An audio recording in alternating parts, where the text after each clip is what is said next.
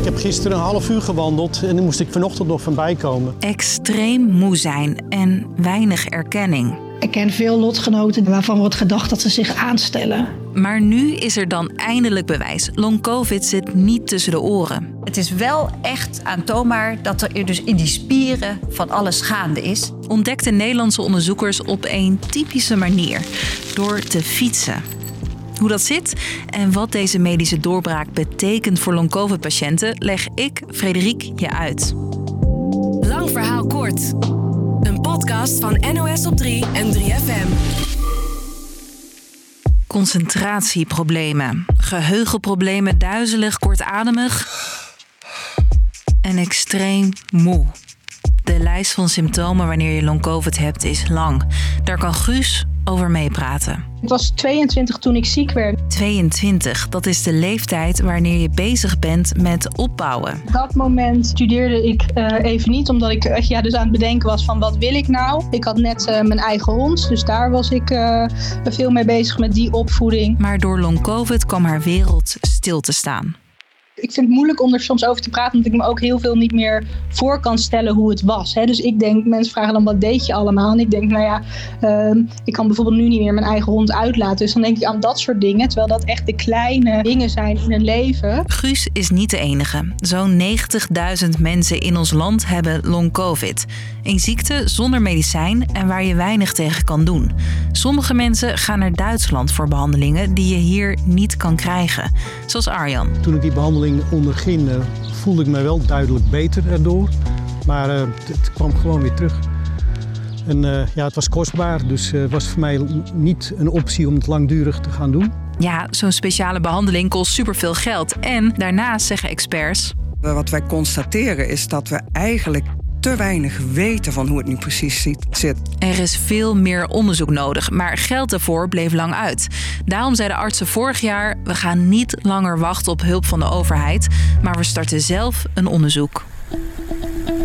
Door dat onderzoek fietsen we je even heen. En ja, letterlijk, want iedereen die meedeed aan het onderzoek werd op een fiets gezet. We hebben echt heel veel gevraagd van de onderzoeksgroep. Je hoort Michelle van Vught. Ze is arts en leidde dit onderzoek. Tussen het suftrappen door haalde arts een stukje spier uit het lichaam van de onderzoeksgroep. En daaruit is gebleken dat um, de schade in spierweefsels bij long-covid-patiënten echt veel groter is. Ja, de spieren van de mensen met long-covid beschadigden dus als ze bewegen. En dat is niet het enige wat de artsen opviel. Bovendien hebben we ook aan kunnen tonen dat de mitochondriën, dat zijn energiefabriekjes in cellen, dat die um, bovendien veel minder goed functioneren. En dat verklaart dus waarom mensen met long-covid vaak onwijs moe zijn.